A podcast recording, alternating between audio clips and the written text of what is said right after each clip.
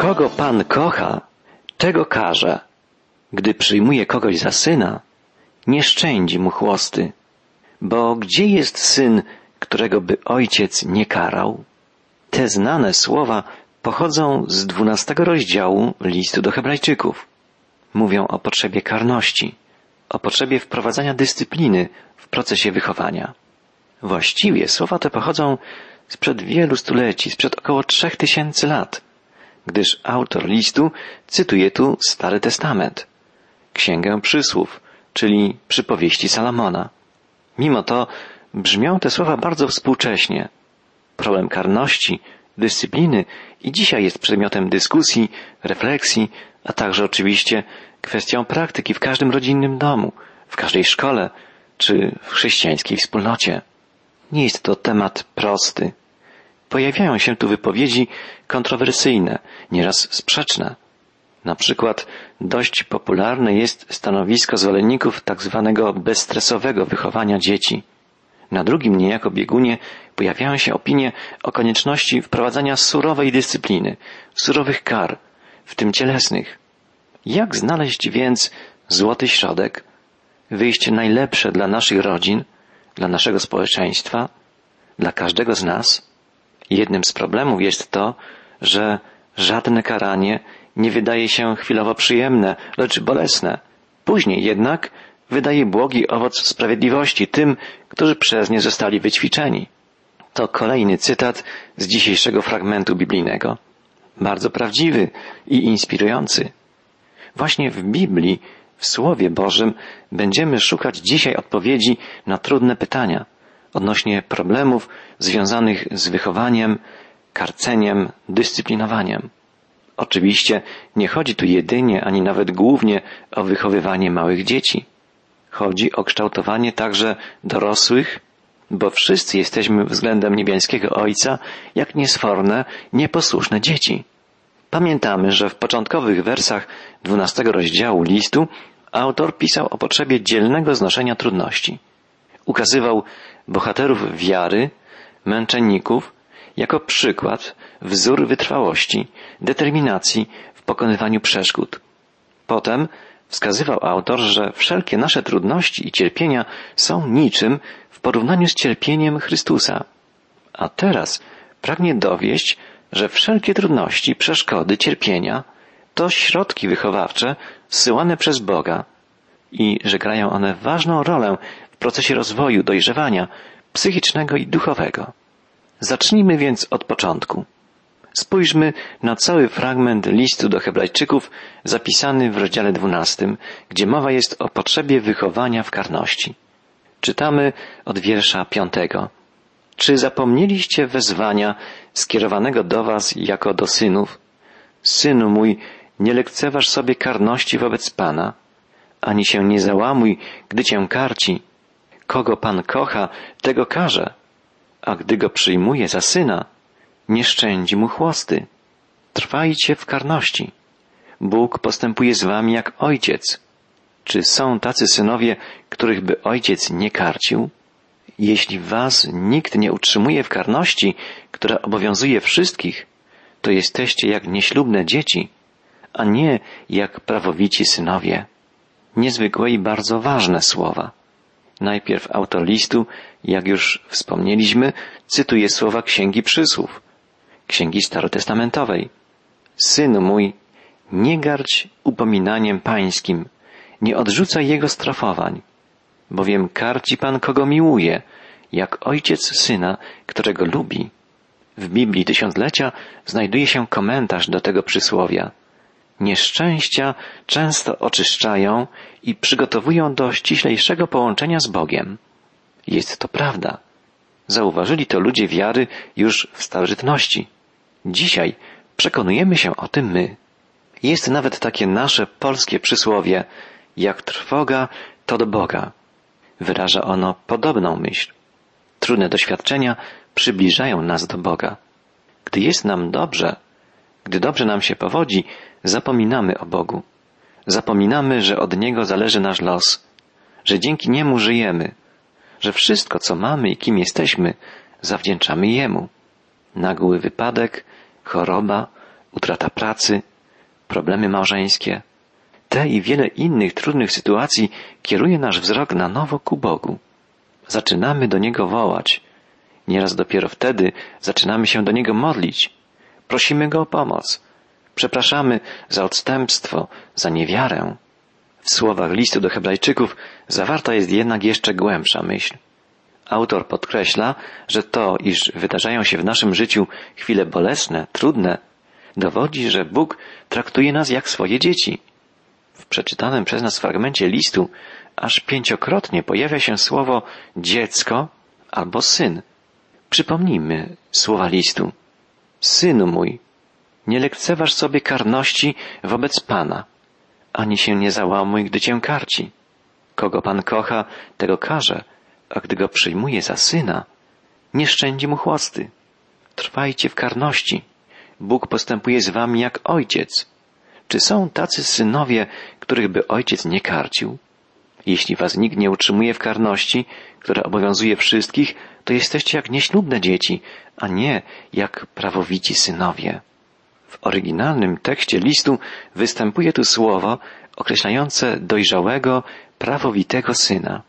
Takimi właśnie mamy być w Bożej rodzinie, dojrzałymi, pełnowartościowymi dziećmi, synami i córkami niebiańskiego Ojca. Niestety, wielu chrześcijan to dzieci niedojrzałe, niesforne, nieposłuszne. I po raz drugi niestety wielu chrześcijan uważa, że im niepotrzebne jest już żadne strofowanie, żadne dyscyplinowanie ze strony Ojca w niebie. Musimy tu podkreślić wyraźnie, że Boże dyscyplinowanie potrzebne jest każdemu wierzącemu. Jest nawet taka prawidłowość, że im dojrzalszy jest chrześcijanin, tym więcej doświadcza trudności, przeciwieństw, gdyż Pan chce go jeszcze bardziej udoskonalić, przygotować do wytrwałego, aktywnego kroczenia u Jego boku. Kogo Pan kocha, tego karze, a gdy go przyjmuje za syna, nie szczędzi mu chłosty. Już nieraz słyszałem z ust dojrzałych chrześcijan następujące wyznanie. Wydawało mi się, że w moim życiu wiary dotarłem do punktu, w którym osiągnąłem pełną stabilizację, dojrzałość. Ale trudne doświadczenie, choroba, śmierć bliskiej osoby uświadomiło mi, że muszę jeszcze nauczyć się wielu Bożych lekcji, że muszę uczyć się pokory, wytrwałości, cierpliwości. Jest to niezwykłe, że słowo cierpliwość i cierpienie są tak do siebie podobne. Wydaje się, że głównie poprzez cierpienie możemy uczyć się cierpliwości i wytrwałości. Poprzez cierpienie dojrzewamy, stajemy się dorośli, zahartowani. Mimo wszystko zadajemy sobie nieraz pytanie, dlaczego wierzący ludzie muszą cierpieć? Napisano na ten temat wiele książek.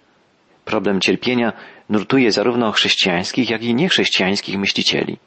Przedstawiciele religii wschodnich, w tym myśliciele szerokiego współczesnego ruchu New Age, próbują odpowiedzieć na problem cierpienia stwierdzeniem wymijającym, iż cierpienie, w ogóle wszelkie zło, jest iluzją, złudzeniem.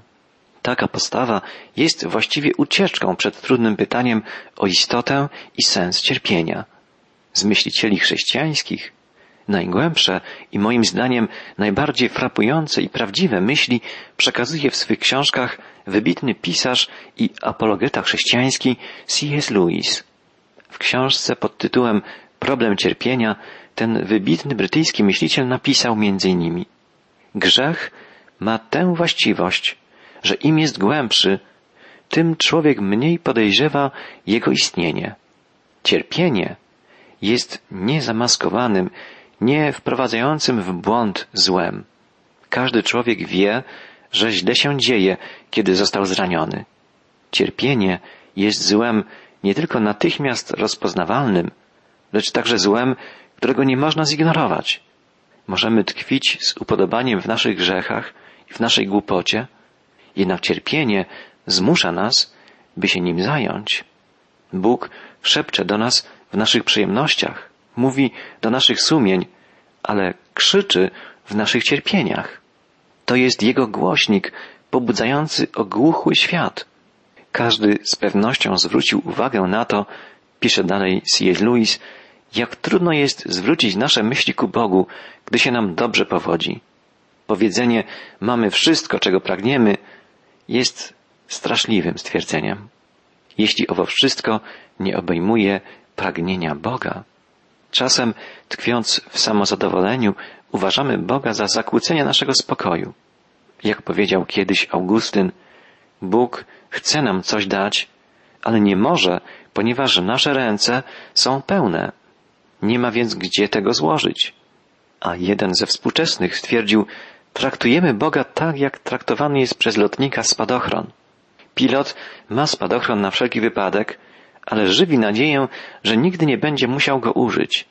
Tymczasem Bóg, który nas stworzył, wie, jacy jesteśmy i że nasze szczęście zależy od Niego.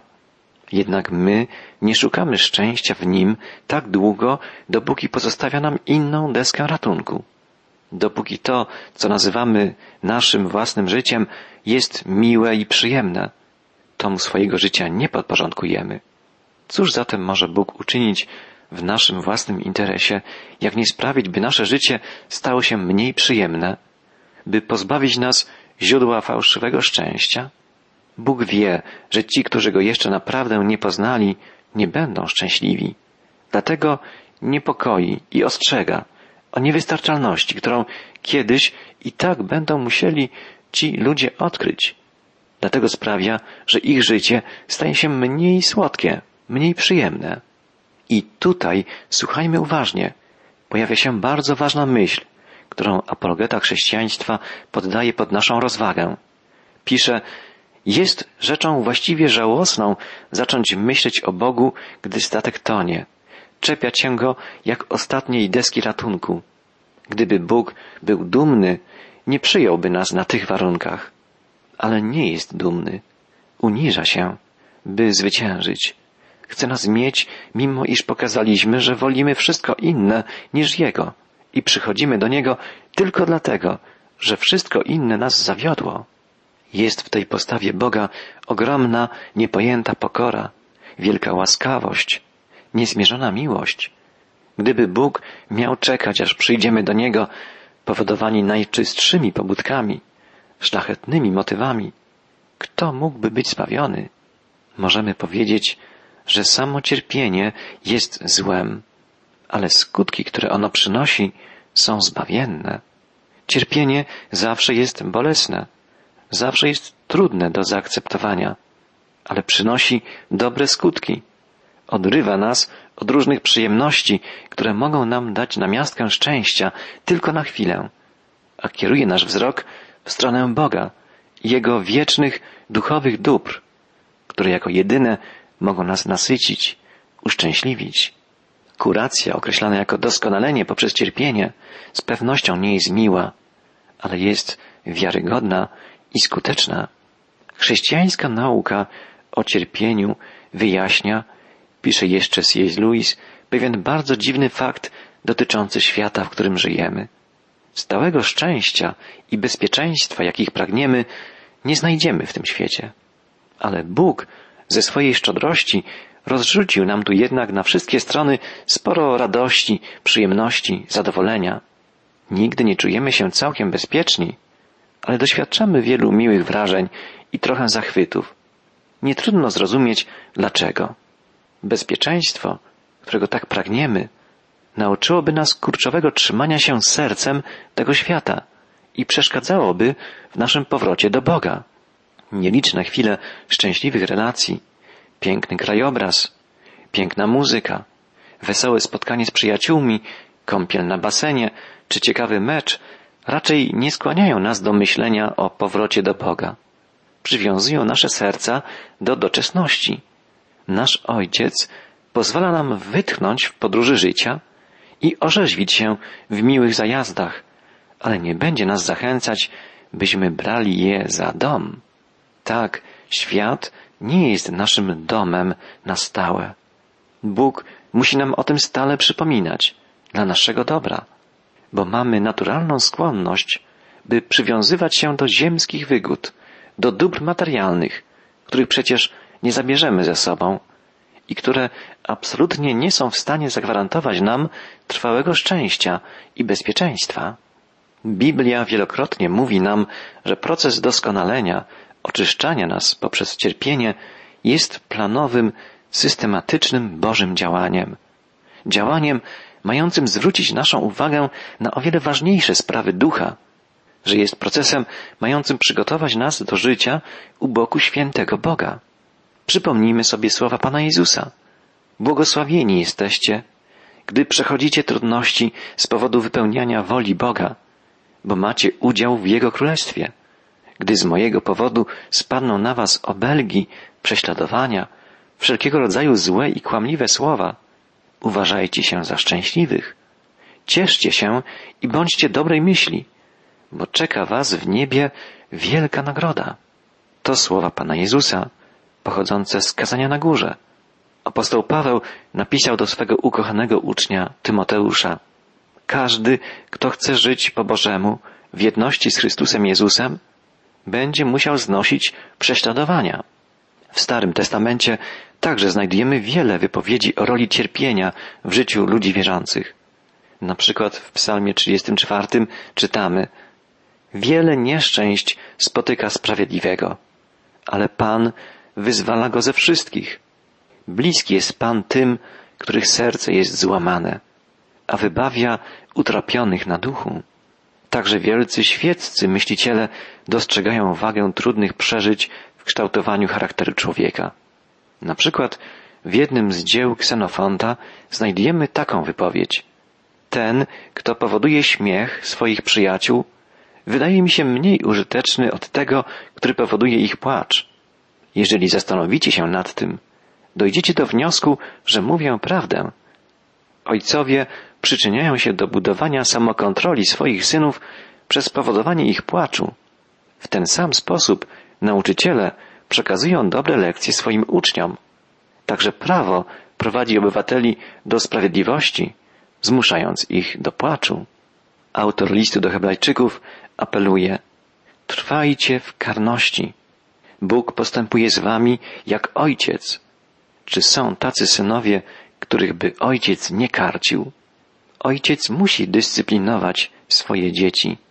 Gdyby pozwolił swojemu synowi na samowolę, byłoby to oznaką, że go nie kocha, że nie poczuwa się do odpowiedzialności za jego wychowanie, za jego przyszłą życiową postawę. Poddajemy się karceniu swoich ziemskich rodziców, którym zawdzięczamy fizyczne życie. O ileż bardziej powinniśmy poddawać się karceniu Bożemu. Od Boga przecież pochodzi duchowa, nieśmiertelna część naszego jestestwa. Od Niego zależy całe nasze życie i także życie wieczne. Postawmy więc sobie na koniec pytanie, jaka powinna być nasza reakcja na Boże karcenie? Jaka powinna być nasza postawa wobec cierpienia? Pierwszą możliwą reakcją może być bierna, bliska rezygnacji zgoda na to, co się dzieje. Tak postępowali już w starożytności stoicy, którzy uważali, że skoro nic nie dzieje się bez woli Boga, pozostaje tylko pogodzić się z tym, co niesie życie. Należy zgodzić się z najwyższą mądrością, ale nie jest to zgodzenie się z ojcowską miłością. Nie jest to chętna, ale wymuszona akceptacja woli Boga. Po drugie, człowiek może zgodzić się z Bożym karceniem, litując się przy tym nad sobą, co prowadzi go do rozgoryczenia, do zgorzknienia. Przyjmując taką postawę, człowiek buduje w sobie przekonanie, że jest jedyną na świecie tak surowo doświadczaną osobą. Żal nad sobą jeszcze bardziej pogrąża takich ludzi. Trzecia możliwość to postawa przyjmowania trudnych doświadczeń jako Bożej kary, ale z wielką niechęcią. Po prostu niektórzy ludzie uważają, że Bóg jest mściwy, że jest okrutny. I gdy przechodzą przez cierpienia, pytają, czym sobie na to zasłużyliśmy. Sposób, w jaki stawiają to pytanie, dowodzi, że uważają cierpienie za niesprawiedliwą karę Boga. Nie są w stanie zadać sobie pytania, czego Bóg chce mnie nauczyć poprzez to doświadczenie. I w końcu czwarta, prawidłowa postawa To reakcja na Boże karcenie jako na środek wychowawczy pochodzący od kochającego nas Ojca. Zgodnie ze słowami kogo Pan kocha, tego karze, a gdy go przyjmuje za syna, nie szczędzi mu chłosty. Jeden z wczesnych myślicieli chrześcijańskich, Hieronim, powiedział Największym gniewem jest ten, gdy Bóg przestaje się już na nas gniewać z powodu naszego grzechu. To znaczy, że największa kara spada na nas wtedy, gdy Bóg przestaje nas już karcić i pozostawia nas samych sobie. Nie próbuje nas już zmieniać.